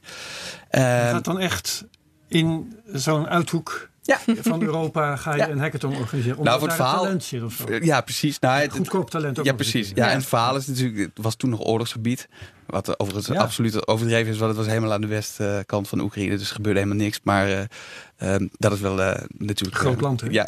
ja. Is het drie keer Frankrijk of zo? Ja, nou, het is enorm. Ja, ja, ja, ja. De graanschuur van Europa. Maar in ieder geval, en we hadden ook helemaal niet zo goed onderzocht. Het was echt gewoon een meetupje. En, en, en we, we, dachten, nou, we zetten daar gewoon een prijs op. Volgens mij was dat 2.500 dollar of zo. En dat bleek daar gewoon een half jaar salaris te zijn. Mm. Dus het was hartstikke druk. Zo. En nou, er was ook talent. Wauw, ja, mooi verhaal. Oké. Okay. Um, maar is daar ook het bedrijf direct uit geboren? Um, het werkte eigenlijk zo goed toen we, zeg maar, dus gewoon echt een proof of concept, dat was nog niet eens een front-end, maar, je, je ja. maar, maar mm -hmm. het, het werkte zo goed dat wij, wij zaten in het vliegtuig terug. Uh, nadat we het goed gevierd hadden. En, uh, met veel wodka, denk ik dan. Exact. Dus ik zat daar echt met een, in, in een harnas van pijn in het vliegtuig terug. En toen dacht ik, toen zeiden we van, uh, toen hebben we allebei die radiodocumentaire nog een keer geluisterd. En toen zeiden we, weet je wat, we gaan ook gewoon, uh, we gaan het gewoon proberen. En toen hebben we ook gezegd, en daar ook een beetje die, die naam waar ik eigenlijk helemaal niet zo heel blij mee ben, Guts. Maar we dachten gewoon, joh, je moet hier een beetje ballen voor hebben. Dus we gaan gewoon, ah. alles gaan we vol gas doen. En we gaan gewoon kijken waar het ons brengt. Het is wel een goede naam. Mm -hmm. Hij heeft weinig te maken met wat je doet. Maar ja. wel een naam die je onthoudt. Ja, en... Uh, uh, wat is daarna gebeurd? Oh ja, toen heb ik een, uh, een, presentatie moeten houden bij de ASR over blockchain. Want toen wist echt niemand nog iets. Dat is de verzekeraar. Ja, precies. Ja. Die vonden zelf-executerende verzekeringspolissen weer interessant. Ja. Mm -hmm. um, en toen dacht ik, oh, dan doe ik het hierover. En die hebben ons een innovatiebudget gegeven. En wow. toen zijn we doorgegaan. Ja, en nu zitten we hier. Ja. Um, nou word ik langzamerhand ook wel technisch geïnteresseerd. Ja. Want je, op een of andere manier zet je dus tickets op de blockchain. Nou, dat is makkelijk gezegd. Ja. Um, dan denk ik, ja, uh, hoe dan? En uh, welke blockchain? En waarom? En wat voor eigenschappen van die tickets leg je vast? En dus kun je daar eens wat over uitleiden? Ja, uh, nou, dit, dit wordt een beetje een teleurstellend verhaal. want wij dachten, we hebben niet eens een centrale database nodig. Want we hebben Ethereum en, en alles kan daarop. Um, en, en, en dat was zeg maar de, de aanvankelijke zeer infantiele gedachten. Uh, uh, maar goed, daar waren we na een dag ook wel achter, want dat gaat niet werken. Mm -hmm. uh, dus dan hebben we allereerst... maar goed, wat je probeert te doen is... In feite, een, een kaartje is nu tastbaar. Hè? Dus het is nu een, een pdfje met een QR-code of een dat barcode. tastbaar. Vroeger was het papier, maar oké. Okay, ja. ja, ja, kijk, eigenlijk, eigenlijk als je het uitprint. Ja, de distributie het, is digitaal, ja. maar in feite is, is er weinig digitaals aan dat kaartje. Mm -hmm. en dus je kan hem ook gewoon kopiëren en, en, en dat soort dingen. Dus, dus eigenlijk de eerste uh, grafisch bestand. Ja, ja. De, de, het eerste wat we op moesten lossen is: oké, hoe krijgen we die tastbaarheid weg uit dat kaartje? Want ja, ik bedoel, op het moment Minder dat, tastbaar. Ja. ja. Um, en onze, onze CTO, die, uh, die had daar een hele goede oplossing voor. Wat wij dus doen, is wij vragen eigenlijk iedere 15 seconden, maar dat kan je instellen, aan dat kaartje. Goh, maak eens een nieuwe unieke barcode voor jezelf aan. En het is ook geen sequence, maar die maakt gewoon elke keer een nieuwe unieke barcode aan. En dat was ook het eerste wat we uh, op blockchain hadden gezet. Van hey, doe, dat maar. Weet je, ga maar de hele tijd zenden. Ja. En dan pikt iemand dat wel op. Uh, maar ja, daarmee uh, maak je dat kaartje dus wel echt digitaal. En op het moment dat je dat kaartje echt digitaal hebt, ja, dan controleer je dus dat kaartje in jouw ecosysteem. En dan kan je er van alles mee. Dus dan kan je de prijzen bepalen, kan je regels opleggen van oh, je moet je gedragen uh, op X manier in de primaire markt en op Y manier in de secundaire markt en op Z manier in de tertiaire markt. Dat, is, dat zijn allemaal mogelijkheden. Uh, en toen gingen we pas eigenlijk echt het licht zien. Want toen dachten we, oh jeetje, wat kunnen we hier eigenlijk ontzettend veel mee. Maar dat lukte dus niet op de Ethereum blockchain? Nee, want die, die, die is zo traag. Dus we hebben wel een. Uh, dus eerst hadden we zoveel mogelijk informatie op de blockchain. Ja. En toen gingen we eigenlijk wat grotere shows verkopen. Uh, maar toen hadden we al wel door van oké, we moeten een stuw meer van transacties opbouwen. En dat laten we dan, dat schrijven we dan rustig weg op de Ethereum blockchain die, uh, die we nu gebruiken. En toen hebben we voor Jochem Meijer hebben we een tour uitverkocht. Uh, dat was de, de, helft van de tour trouwens. 50.000 kaarten. Ja, dat was volgens mij 8,5 dag was dat Zo. bezig. En dat heeft ons bijna 30.000 euro aan, aan Ether gekocht. Uh, gekost. Jeetje. Uh, en dat, dat wisten we van tevoren natuurlijk allemaal. Nee, maar je moet het wel gewoon bewijzen ja. aan iedereen. Van jongens, we ja. willen wel. Maar het, eh, weet je, ja. wil jij een bedrijf bouwen hierop? Dan is het onmogelijk om dat te gebruiken. En eigenlijk sindsdien hebben we het helemaal afgepeld. Dus steeds minder informatie op de blockchain gezet. En wat we nu doen, uh, uh, en daar ben ik eigenlijk heel blij mee. Is eigenlijk, we hebben een, een, een soort sidechain uh, waar wij eigenlijk alles in, in registreren. Um, en we registreren de eerste en de laatste transactie van een, van een evenement. Dus dan heb je hash A en hash B. Nou, er is een verschil tussen. Mhm. Mm -hmm. En dat stukje daartussen, dat kan je opnieuw herspelen. Dus dat je ziet dat die, wat er allemaal gebeurd is in de markt. Uh, dus dat kan je herspelen. En dat doen we dan met een deterministische programmeertaal. Dus je kan wel 100% zeker weten. Hé hey joh, dit is hoe het gegaan is. Dus mm -hmm. je kan het wel controleren. Maar de logica op blockchain zelf. Hè, dus wat eigenlijk de ja, aanvankelijke belofte van Ethereum was in mijn optiek. Uh, daar zijn we van afgestapt. Maar het gebeurt dus wel nog steeds op de Ethereum blockchain? Nu nog wel, ja. ja maar we zijn, we, we zijn in vergevorderd stadium om met uh, kleten te gaan werken. Dat is uh, van cacao in Zuid-Korea. Mm -hmm. ja, we zijn net in Zuid-Korea begonnen ook. Um, en nou, cacao is daar zeg maar, een soort van de Amazon van Zuid-Korea. een gigantisch bedrijf. En Clayton is ook een, een, een blockchain. Een ja, dus een Ethereum-based, uh, eigenlijk, eigenlijk een kopie van Ethereum. Ja. Uh, maar dan wat meer toegespitst op businesses. Zodat je ook die sidechains makkelijker kan maken. Um, en je hebt wat meer mogelijkheden met de wallets. En dat schrijf ik C-L-A-Y? Nee, K-L-A-Y. Even kijken hoor. Waarom? K-L-A-Y. Ik, ik weet niet. Nou, en? dat zou genoeg moeten zijn. Hij staat niet bij de eerste honderd zo te zien. Nee, nee, maar ze zijn echt uh, nu een maand live of zo. Oké. Okay. Ah, oké. Okay. En waar, ja, waarom kies je daarvoor? Ze hebben ons benaderd. En uh, zeg maar, wij zijn, uh, en daar ben ik hartstikke trots op, dus dat durf ik ook wel te vertellen. Wij zijn echt een van de weinige projecten die, die daadwerkelijk adoptie hebben. Uh, dus, dus ik heb, uh, volgens mij hadden we vanochtend iets van 138.000 wallet holders. Nou, er zijn volgens mij heel weinig crypto projecten die dat, uh, die dat kunnen. En dat wordt opgemerkt. en dus ook door de Amazon van, van Zuid-Korea. Wow. En die zeggen gewoon, wij willen dat jullie op onze blockchain gaan schrijven. Ja. Ik wil nog heel eventjes terug naar de basis voordat we dieper technisch erin duiken. Jij zei net, ja, op het moment dat ik um, tv-schermen wil verschepen hier naartoe, dan wordt het heel lastig om iedereen in die keten mee te krijgen. Maar Ja. met ticketing is dat makkelijker. Hoe kan het dat die artiesten nog voordat je een goed werkend, of goed werkend, als iets 30.000 euro kost, is het niet optimaal. Nee. Maar hoe kan het dat die artiesten toch zeiden, ja, je doe ik aan mee. Leuk. Ja, de belofte. Kijk, die artiesten, die, ook die weten uh, uh, misschien iets meer nu van blockchain, maar die, die weten er weinig van. Mhm. Dus, dus de keren dat ik met die managers heb moeten zeggen van, joh, zo werkt het. Uh, en, en dan proberen ze de hele tijd gaten in te schieten. Dat gebeurt me overigens nog steeds dagelijks.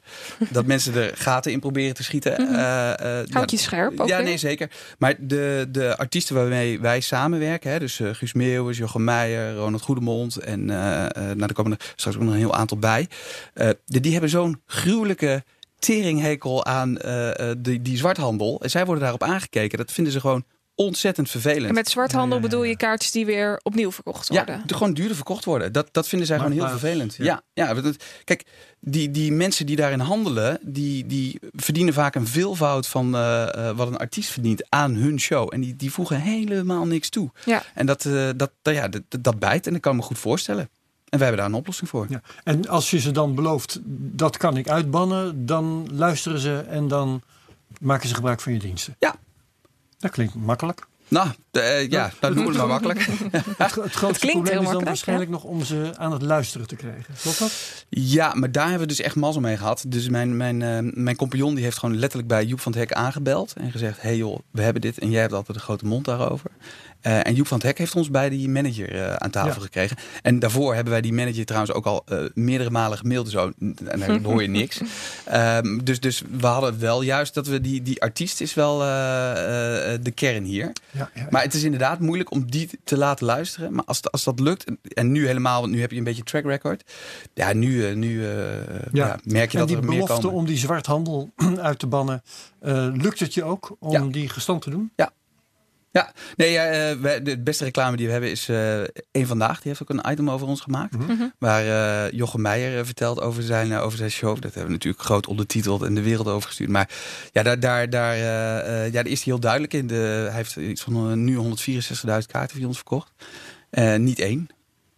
Wauw. En hoe, hoe kan dat dan? Wat, wat zit er in die, in die software geschreven dat het niet mogelijk is om die kaart opnieuw... Het is, het is wat ik net zei, omdat die echt digitaal is en je hebt die hele controle over, mm -hmm. over dat hele ecosysteem. Het is gewoon een programmeerbaar kaartje geworden. En papier kan je niet programmeren, maar een, een echt digitaal kaartje en kan je wel stel dat je toch die kaarten wil verkopen, hoe werkt dat dan? Ja, dat, dat kun je dus ook helemaal in dat ecosysteem instellen. Wat we nu hebben bij de artiesten die we nu bedienen, uh, is het gewoon heel simpel. Oh, ik kan niet. Um, ja. En trouwens, normaal is die markt ongeveer 30, 40 procent uh, van alle tickets die verkocht worden. Mm -hmm. um, uh, en op het moment dat, het, dat er geen geld meer aan verdiend kan worden, is het, is het bij ons gemiddeld tussen de 2 en de 6 procent. Dus dan zie je ook wel hoe groot dat probleem is. Ja. Um, maar bij ons zeg je gewoon, joh, ik kan niet. Je zet het kaartje te koop. je weet niet aan wie je hem verkoopt, want iemand anders koopt hem gewoon weer uit de shop. Uh, gewoon uit de Jochem Meijer shop. En vervolgens uh, krijg jij je geld dus een het dag kan later. niet eens via Marktplaats? Exact. Dat, dat is het hele punt. Ja. Oké, okay, dus dat moet dan... Maar dat betekent dat als ik een kaartje heb gekocht van een dergelijke artiest, hè, via jullie enzovoort, dan... Uh, ik kan, dan kan ik het altijd terug. In feite is het terugverkopen aan jullie, of niet? Nee, ja, de, de, uh, zo lijkt het wel in de, in, in, in de frontend. Uh, maar zo is het zeer degelijk niet. wat wij ook echt doen, is we hebben middelen tussen de artiest en de fan. Hè? Dus, dus wij, wij okay. geven de tools om, om, die, om, die, om die afspraak tot stand te laten ja. komen. Um, en op het moment dat een fan dan niet kan, gebroken been of whatever, um, dan bemiddelen wij eigenlijk tussen die twee fans. Ja, dus als de fan met het gebroken been er niet in slaagt om zijn uh, ticket uh, te verkopen, heeft hij pech. Kan, dan heeft hij pech. Ja, mm -hmm. ja. zoals het ook en, normaal is als je een exact, ja. hebt. En dat is dus het mooie van uh, blockchain gebruiken. Dat kan iedereen dus ook zien. Ja, en de, oh, dat, daar wordt het interessant, want uh, over blockchain en zo had ik inderdaad ook nog wel vragen. De reden om dat nu in deze vorm te doen, uh, is vooral dat je kaartje een smart contract wordt. En niet ja. zoals bijvoorbeeld, want je hoort ook veel over blockchain in supply chain processen. Ja, maar... Dan is het voor uh, om het proces dat, dat mensen kunnen zien dat hun uh, banaan echt uit een ja, maar daar, zit ik, boerderij komt. Maar hoe tokenize je dat? Dat vind ik toch altijd ook weer een heel lastig ja. ding. Hoe, hoe, hoe tokenize je nee, die banaan? In dit gaat het dus om de programmeerbaarheid. De, de, de, daar gaat het niet om, maar in dit geval is het de programmeerbaarheid van, van het kaartje. Ja, ja. En dat je dat. Dus wij, wij gebruiken blockchain eigenlijk voor, voor, voor, voor, drie zaken gebruiken wij het. Hè? Dus transparantie, doordat uh, wij kunnen zeggen, hey, dit zijn de regels die zijn geprogrammeerd aan dat kaartje. Ja. En ook heel belangrijk, er zijn zoveel kaarten uitgegeven. Uh, want dat gebeurt in die markt dus heel veel. Dat bijvoorbeeld Metallica heeft het laatst nog gedaan. En dan uh, houden ze gewoon eventjes 10.000 kaartjes achter. En die verkopen ze gewoon op een, uh, op een secundaire markt. Mm -hmm. En dan zeggen ze daarna, ja dat was een test om te kijken. nou ja, goed. dat soort dingen, dat wil je zien. Want je wil dat die markt eerlijk is. En transparant. ja, precies. Dus, dus dat kan je gewoon bij ons kan je dat allemaal zien. Van, hey, zoveel zijn er aan, aangemaakt. zoveel zijn er weer wederverkocht. Ja. Dit zijn de prijzen. Zien? Moet je daar een bepaalde app voor hebben? Of kan ik naar jullie site gaan om het allemaal in nou, Dus op de Get Protocol site, uh, wat we nu doen is, is de hashes. En uh, dus die, die hashes die kan je zien. En daar hebben we nu een uitleg bij. En we zijn nu echt nu aan het bouwen aan een Ticket Explorer. Dus dat je eigenlijk een soort van Eater-scan hebt, maar dan voor tickets. Ah, oké. Okay. Oké. Okay. En, en uh, kan iedereen dat dan, ik bedoel, als ik, als ik daar als zomaar een voorbijganger langskom, zo'n Explorer gebruik, uh, heb ik dan het recht om daarnaar te kijken? Ik zou zeggen, daar heb ik eigenlijk helemaal niks mee te maken. Waarom zou je mij die inzage gunnen? Ja, je moet wel een aantal dingen vragen. Hè? Dus je krijgt wel inzage over de hele markt. Als in uh, er zijn er 100 uh, uitgegeven en, en er zijn er 20 Mhm. verkocht of zo, whatever, mm -hmm. zoiets. Uh, daar krijg je wel inzage in. Dat zijn dingen die jullie gewoon aan, het, aan de openbaarheid ja, kwijt willen. Ja, maar wil jij vragen van hey, ik, ik, ik, hè, ik ben voornemens een, een kaartje te kopen van Madelon en ik wil weten of die echt is. dan moet je vragen aan, aan, aan het systeem heeft Madelon dit kaartje en is het echt? En dan zegt het systeem alleen maar ja of nee. Okay. Oh, oké. Okay. Ik, ik liep nog tegen iets anders aan. Ik was een week of drie geleden bij de Meervaart in Osdorp. En ik kwam daar langs en ik zag op een poster Peter Pannenkoek of Murt Mossel staan. Een van de twee denk ik dat het was. En ik dacht, hé, hey, dat is leuk, daar wil ik wel naartoe. En ik liep bij de Meervaart naar binnen. En ik zei tegen die mevrouw, nou, dan mag ik twee kaartjes daarvoor. Ergens in januari was het. En zei ze tegen mij, nee, dat kan niet. Want die verkopen we niet, want dat gaat via Guts. Ja. En ze wist mij ook niet te vertellen hoe ik wel dat kaartje kon kopen. Ja. Want ze zei, wij uh, hebben spelers die langskomen of artiesten die langskomen. En wij verkopen dan de kaartjes. De Ja. marketing gaat dan via uh, dat bedrijf. En zij verkopen dus ook de kaartjes. Maar stel nou dat ik een kaartje wil kopen van uh, een artiest. En dat loopt via jullie. Hoe, werkt dat dan? Ja, dus, dus ook hier weer. eh, Nu komen we een beetje in het, uh, in het uh, Taiwanese tv-verhalen weer, uh, weer terug. Hè? Dus, Ja. dus kijk, het klinkt makkelijk om mensen zomaar eventjes te overtuigen van... hé hey joh, ga dit gebruiken. Mhm. Maar zelfs al zegt de artiest, hé, hey, ik wil dit en dit gaat gebeuren... En ze verzoeken het overigens vriendelijk hoor, er wordt nog niks geëist of zo... Mhm. Dan zijn er toch wel altijd weer mensen die zeggen van... ja, moet dat nou? Het is extra gedoe. En, hè. en in ons geval is het, is het vaak zo dat theaters... wat, wat laten we zeggen, conservatieve uh, branche... Die, uh, die zitten daar niet altijd op te wachten. Uh, maar wij geloven er heel erg in dat die artiest... die moet het zelf gaan verkopen. Ik vind dat ook heel logisch. Hè? Dus Ja. als jij echte kaarten wil, dan ga je gewoon direct naar de artiest... en dan koop je gewoon bij die artiest... en, en die laat wel zien hoe en wat. Ja. Um, dus wij publiceren op onze site en onze app ook geen lijst van evenementen die we, die we doen of zo. Wij, wij zijn echt een bemiddelaar tussen de artiest en, uh, en de fan. Betekent dat ook dat uh, impresario's een stuk minder te doen hebben straks? Nee, want die artiesten, dat zijn natuurlijk uh, hè, dat zijn artiesten. Die, die, die zijn bezig met, uh, met iets creëren. Dus die besteden dat echt nog rustig uit aan impresario's. Ja, ja. De, en, en er zullen altijd tussenpersonen blijven zijn. We denken alleen dat het, dat het met minder kan. En vooral dat het eerlijker kan. Want dat is in, in de ticketing ook weer zo. Die keten zelf, die wantrouwt elkaar dus ook weer helemaal. En dat is ook weer fantastisch. Dus helemaal bij grote bands, als die geboekt worden. Uh, boekers die gaan echt stoelen tellen van... hé hey joh, wie zit me hier uh, uh, pootje te lichten? En Mhm. Dus die, die, die hele industrie die is zo rot als het maar zijn kan. En daarom is het heerlijk dat je dit kan oplossen met, uh, met, met eigenlijk zoiets simpels. En wat is jullie verdienmodel? Want hier moet natuurlijk ook voor jullie iets binnenkomen. Ja, de, we hebben dus eigenlijk, onze organisatie bestaat uit twee bedrijven. We hebben de Ja. stichting en dat is de Get Protocol. Dus dat is echt een protocol. En dan proberen we eigenlijk, uh, uh, ja, on- onze missie is om, om wereldwijd de datastandaard te worden in tickets on blockchain. Oh, world domination. Zeker. Eh, dat is, nee, nee, nee, helemaal niet. Dat is hartstikke megalomaan. En, eh, maar ik- kijk, ik had nooit gedacht dat dit überhaupt een bedrijf zou worden. Mhm. Eh, ik dacht dat ik gewoon eh, eh, ja, een middelmatige jurist zou blijven. Ehm, en en tot nu toe is toch alles al gelukt. doe dit wel omdat je inderdaad een middelmatige Ja, jurist nou ja, dat- ik sluit niks uit, Herbert. Maar de, de, ja, de grap is, de- tot nu toe is dat wel allemaal gelukt. En we denken gewoon, ja, daar gaan we helemaal voor schieten.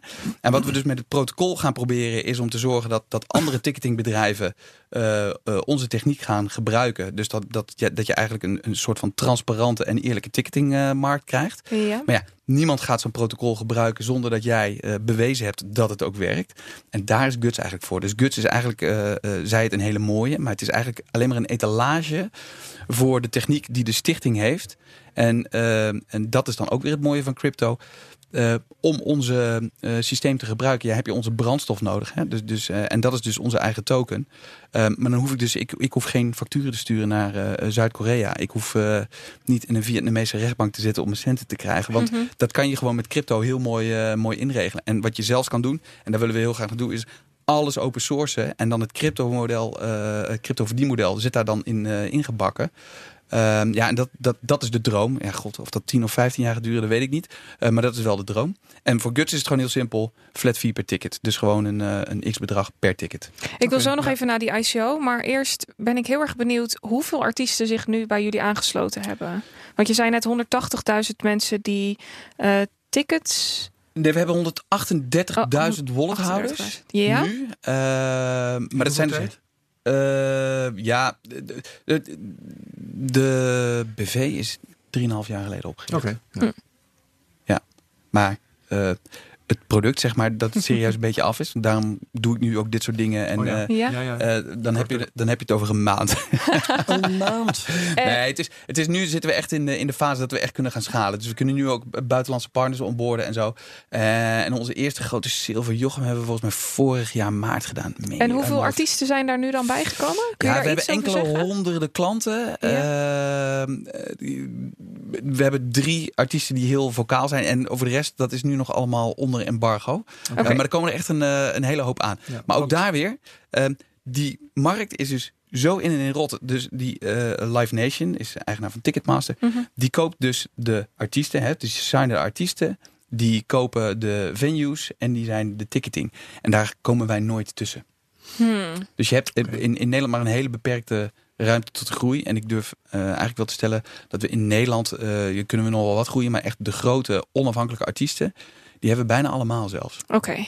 Oké, Dan dus je, ik- moet, je moet straks wel naar het buitenland. Ik kan niet anders. Nee, dat is echt zo. Ja, ja, ja. Dan wil ik nog graag even naar die ICO. Want ik zette vanmiddag een berichtje op Twitter. En eh, ik, ik kondigde je, je komst hier aan. En ehm, Twitter ging gelijk los op, op die ICO. Ja. En Ja, dat, dat kan niet meer, hè? Nee, dat, dat, is, dat is wel iets van deze tijd. Eh, ICO's die worden natuurlijk afgebrand en bij de enkels afgezaagd. En Ja. nou ja, je kan je er ook wel wat bij voorstellen, neem ik aan. Eh, kun je even wat vertellen over hoe dat liep met die ICO en hoe dat precies ging? Wat jullie gedachte erachter was? Ja, dat kan ik precies. Eh, dus mijn team had helemaal geen zin in de ICO. Want wij hadden al eh, eh, de toezegging van, van Jochem dat we die, eh, dat we die tour gingen doen. Mhm. Eh, maar ik merkte wel dat, eh, ondanks dat ons idee vrij eenvoudig lijkt, eh, merkte ik al wel dat we een langere adem nodig zouden hebben om eh, die markt te veroveren. Eh, dus ik heb eigenlijk op een bepaald moment gezegd: jongens, we moeten het nu doen. Want Er was geld nodig. Ja, de- zeker, zeker. Ja, nou, we hadden wel een, eh, wel een investering al. Dus Mhm. we zei, het is niet dat we strap voor cash zaten, maar we dachten wel, ja, wel als we hier hè, dus echt de wereldwijde datastandaard willen worden, dan zullen we toch echt moeten. En er komt bij dat we hadden al een product. Eh, we hadden eigenlijk al eh, eh, een token, wouden we toch al minten voor wat ik net zei, dat we geen zin hadden om facturen te sturen naar Mhm. allerlei landen. Ja, en toen zei ik, ja, dan gaan we het ook doen ook. Maar dan gaan we het wel heel netjes doen. Dus we hebben het heel netjes gedaan, met, met geen crypto-hype en, en dingen. Wanneer ja. ging die ICO van start? Eh, einde 2000, dus hij is volgens mij 14 december 2017 hebben we hem eh, eh, eh, eh, afgesloten. Ja, Dat is een goed moment. nog net wel. Nee, nee, nee, we hebben echt on- ontzettende pech gehad. Dus onze, Oh. onze, onze lock met die prijs, zeg maar, dus wij hebben de, dus de, de lockprijs van Ether, dat was 2,57 meen ik, eh, euro's. Ja. En toen schoot Ether echt recht omhoog. Het is nog 1450 geweest. Of, Ja, dollar. nou, hij is toen eigenlijk in één rechte streep naar 1400 gegaan. En dat is natuurlijk voor Ja. Ons heel slecht. Hè? En we konden ook moeilijk zeggen, ja, nou, dan gaan we nu eh, die, eh, die lokprijs doen. Maar uiteindelijk, we hebben 10.935 ether opgehaald. Mhm. Ehm, en we hebben het gewoon prima, eh, eh, dus, dus slim gedaan. Wat overigens echt meer mazzel is dan iets anders hoor. Maar gewoon op de juiste moment een beetje verkocht. En, en, eh, ehm, en dat heeft er wel voor gezorgd dat we er nu heel goed voor staan. Mhm. Ehm, ja, en die token wilden we toch al. Dus ja, dat, dat is het. Ik ben wel even benieuwd naar die token. Want je zegt net dat de bedrijfsvoering niet valt of staat bij die token. Die token die was eigenlijk eh, puur mechanisme om geld op te halen. Ehm, Nou, het, het heeft meerdere dingen. Kijk, het, je conditioneert het gedrag er ook mee. Kijk, als, als jij, eh, eh, laten we zeggen, nou, wat is altijd het voorbeeld? De, de douchemuntjes van de camping, zeg maar. Hè? De, de- en, nou, onze camping was dan al wel gebouwd, maar in principe eh, is, is het wel de juiste vergelijking. mhm. Maar je conditioneert het gedrag ook van mensen. Hè? Want je weet, jij, jij moet een douchemuntje hebben om hier eh, Ja. jezelf te wassen. Ja. Ehm, en, en dat is voor ons dus heel belangrijk. Want je moet dus eh, je op een bepaalde manier gedragen om in, binnen ons ecosysteem eh, te kunnen handelen. En dat zorgt er wel weer voor dat je eerlijker bent met, of eerlijker moet zijn ten aanzien van bijvoorbeeld de publieke informatie die wij geven. Ja, je moet, want anders mag je ons systeem niet gebruiken. Mhm. En ook als we alleen Ethereum hadden gebruikt, ja, dan heb je toch weer de kans dat mensen nep-evenementen gaan aanmaken. Want ja, dat kan je weer zo weer kopiëren. Creëren. Dus het heeft echt wel degelijke functie. Ja. Naast alleen maar geld ophalen bij, eh, bij mensen. Het wordt dus ook gebruikt als gas. Ja, het wordt gebruikt als gas en dus een soort van ja, als een soort van gatekeeper voor je walled garden, om maar eventjes Ja. wat, eh, Ja, wat, ja. wat termen hier eh, erin te gooien. Maar voor ook eh, straks krijg je dus die tweedehands markt. Dus stel een Koreaan een, eh, een kaartje van Guus Meeuwis koopt. Ik zie het nog niet zo snel gebeuren, maar Mhm. hè, het kan allemaal gaan gebeuren. Dan wordt ook de eh, de prijsfluctuatie, hè, dus dat kaartje was 10 euro en die Koreaan die koopt het voor 15 euro. Dan eh, wordt GET ook gebruikt als een medium of exchange om, die, om, die, eh, om dat verschil in prijs uit te drukken. Dat zou je ook moeten doen, want anders moet je weer Ja. eh, allerlei andere lastige dingen doen. Oké, En en is die ook verhandelbaar? Die, eh, Ja. Maar, maar ook eh, bijvoorbeeld die exchange en zo. Ja, ik, ik ga niet een paar honderdduizend euro voor een exchange betalen. Nee, ja, nee. Doei. En eh, soms verwacht de community dat wel van je. Eh, dus maar hoe- hoe kunnen mensen die verhandelen? Ja, we, we staan op Liquid, eh die IDEX natuurlijk, hè, dus de, de decentrale exchange. Mhm. Eh, maar nu vinden wij, hè, wij vinden, eh, om het maar even heel arrogant te zeggen, dat we een top 100 coin zijn. Gewoon eh, in, in, in adoptie en, en wat het zijn. Ja, heeft die koers überhaupt sinds 2017 iets gedaan? Want het klinkt alsof het jullie enorm voor de wind gaat. Helemaal niks. Nee, nee, dus we zijn volgens mij, na de ICO ging hij naar 7 dollar, wat echt insane was. Uh-huh. Ehm, ehm, Waar staat hij nu op? Hij staat nu volgens mij eh, rond, het, rond de 30 cent en daar staat hij altijd. En hoe kan dat dan? Want Ja, omdat er geen correlatie is. Dat, dat, maar dit, dit raakt eigenlijk wel weer wat we aan het begin eh, denken. Kijk, mensen overschatten crypto heel vaak. Dus ja, je zou zeggen, oh, eh, dit bedrijf doet het goed en het is allemaal te zien. En, Mhm. eh, en, en we zijn hartstikke trots. We hebben goede tech en we zijn heel transparant en we doen alles goed. Maar die, die koers, ik bedoel, het zijn echt gewoon, eh, ja, ik denk, ik, vooral 12-jarige keyboard warriors die, eh, die, die proberen snel geld eh, eh, rijk te worden. En, en die, gaan, die slaan aan op partnerships die nergens over gaan en, en dat soort dingen. Dus, dus de daadwerkelijke correlatie tussen wat het bedrijf doet en de waarde van de token, dat moet zich allemaal nog gaan voor uitkristalliseren. jouw business ja. waarschijnlijk ook wel handiger als die coin niet te veel rare bokkersvormen maakt. Ja, weet je, hebben het heel eerlijk gezegd. Kijk, ik, ik bedoel, nu, nu zijn we op het punt, en nogmaals, daarom doe ik nu dit soort dingen. Nu zijn we op het punt dat we zeggen, oké, weet je, we hebben gebouwd, we hebben delivered wat we zouden doen uh, uh, tijdens de ICO. In die, in, in die tijd heb ik mijn mond gehouden. Kijk, en straks, maar dat heeft met de token economics te maken, heb ik een liquide markt nodig. Die, die hoort bij, uh, voordat ik kan open sourcen, moet ik een liquide markt hebben. Dus ik ga er nu wel aandacht aan besteden. Okay. Maar vooralsnog uh, was, dat, uh, was, was dat onzinnig. Verwacht je dat die coin uiteindelijk wel wat gaat doen als je kijkt naar waarde versus prijs? Of is dit iets wat um, zich op deze manier ontwikkelt en wordt de koers van een bepaalde token niet gekoppeld aan een bedrijf um, wat daarbij hoort? Bijvoorbeeld XRP, uh, wat niet um, op een bepaald koersniveau zit wat je, wat je zou verwachten als je naar Ripple het bedrijf kijkt. Ik noem ja, even een vergelijking. Dat, ja, ik snap wat je bedoelt. Dat ligt gewoon heel erg aan hoe je je token economics uh, goed uh, of, of slecht hebt gedaan. Mhm. Mm -hmm. En ook daar, kijk, wij hadden een idee tijdens de ICO van zo gaan die token economics even ongeveer werken. Ja. Maar ga je 2,5 jaar je daar echt in vastbijten, dan zul je zien dat je een heel ander, uh, ander idee daaruit komt. Um, en nu hebben we gezegd, oké, okay, dit is hem. Dit is hem finaal. En dat yellow paper zijn we nu aan het schrijven. Um, en de, hoe wij de token economics hebben, hebben ingericht. Er zit een burn component en er zit meer in. Ja, dan gaat die token op termijn zeker wat doen, ja. Mm -hmm. Ja, want de, heel simpel. Onze intrinsieke waarde is het feit dat die token nodig is om evenementen aan te maken. Ja, Zonder die token ben je niks. Ja, exact. Ja, Oké. Okay. Ja, Ik wil nog heel eventjes naar uh, de toekomst toe. Ja. Je zei net al, we willen de grootste wereldwijde partij worden op het gebied van ticketing.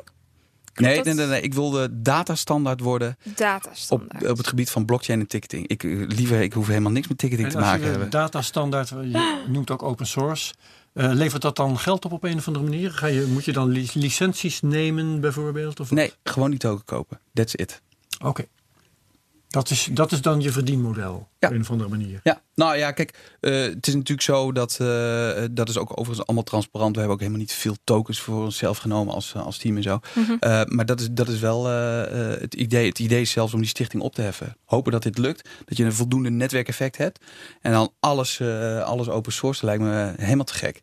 Slaap ik heel goed van. Ja. Maar je zegt, we hebben helemaal niet veel tokens voor onszelf gehouden. Een deel dus wel. Ja, natuurlijk. Ja. Ja. ja. ja dat doet een aandeelhouder in principe ook. Nou, het is ook, de community ja. wil dat ook. Hè? Want ze willen gewoon dat jij belang hebt bij een, uh, bij een hogere token. Ja, dat is natuurlijk ook een... De wisselwerking uh, natuurlijk. Ja, ja. Ja, ook inderdaad. Dat, ook dat is hetzelfde verhaal als met aandelen. Ja, ja. ja ze willen niet dat je je rijk steelt, maar ze willen wel dat je, dat je, dus dat je geprikkeld hebt, wordt je... om, uh, om goed te presteren. Oké, okay, dat is helder. Had jij nog een laatste vraag, Herbert? Ik denk het niet. Zijn door de tijd, hè? Dat Ruim. ook, dat ook. Ja, nee, goed. We hebben veel eh, tijd ja, besteed dat is aan eh, de witwasregeling. Ja, dat is zo. Dus dat ging eh, in eerste instantie af van jouw tijd, Maarten. Maar, heb je Geen ook enkel probleem. gehad. Dankjewel voor je verhaal. Ja, Het is interessant en leuk. Nou, heel, Ik eh, wens je heel veel succes. heel veel dank voor de Zeker. uitnodiging. Dit was Maarten Bloemers, CEO van Guts Tickets. En dit was eh, de CryptoCast voor deze keer. Dan gaan we weer eventjes naar de eh, afsluitrituelen. Eh, volgende week PricewaterhouseCoopers, Yes. PwC. Ja, klopt. Ik geloof dat je Ik het voluit niet eens meer mag mij. zeggen. Ja. ja, In ieder geval, die zijn hier genoemd door Herman Fissia. ja klopt. Eh, in eh, relatie tot. Nou, ze- ik weet nog dat in die tijd dat PwC Luxemburg was begonnen met het accepteren van ja, Bitcoin. dat kan ik me herinneren inderdaad. En eh, dat was dus de aanleiding, want we wilden dan graag weten hoe doe je dat als bedrijf. Nou, we krijgen mensen van PwC Nederland en die hebben daar minder mee te maken. Mhm. PwC Nederland accepteert geen Bitcoin, maar toch, ze hebben verstand van bedrijven. Dus dat kunnen ze heus wel uitleggen hoe je dan als bedrijf Bitcoin gaat accepteren en waar je dan aan moet, aan moet denken, Ja. wat de do's en don'ts zijn. Verder zijn ze, eh, het zal ook een keer niet actief in blockchain technologie. dus daar gaan we het Oh, ook ja, over joh? hebben. ze komen met z'n tweeën trouwens. Eh, dat is ook wel weer eens een keertje aardig. Ja. En moeten we zien hoe we dat dan doen in deze opstelling voor de camera. Dat Ja. kan wel eens ingewikkeld worden. Mhm. Dan denken we, we hebben nog een week over om over na te denken.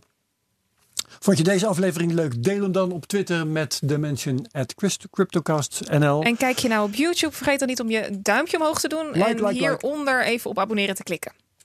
Reviews achterlaten op iTunes, Apple Podcast, dat kan. En eh, ook de, eh, deel dat dan op Twitter. Eh, reviews die vergroten onze vindbaarheid, geloof ik. Verder dank aan de sponsors Satos.nl en bitmymoney.com. Iedereen heel hartelijk bedankt en tot volgende week. Dag. Doeg!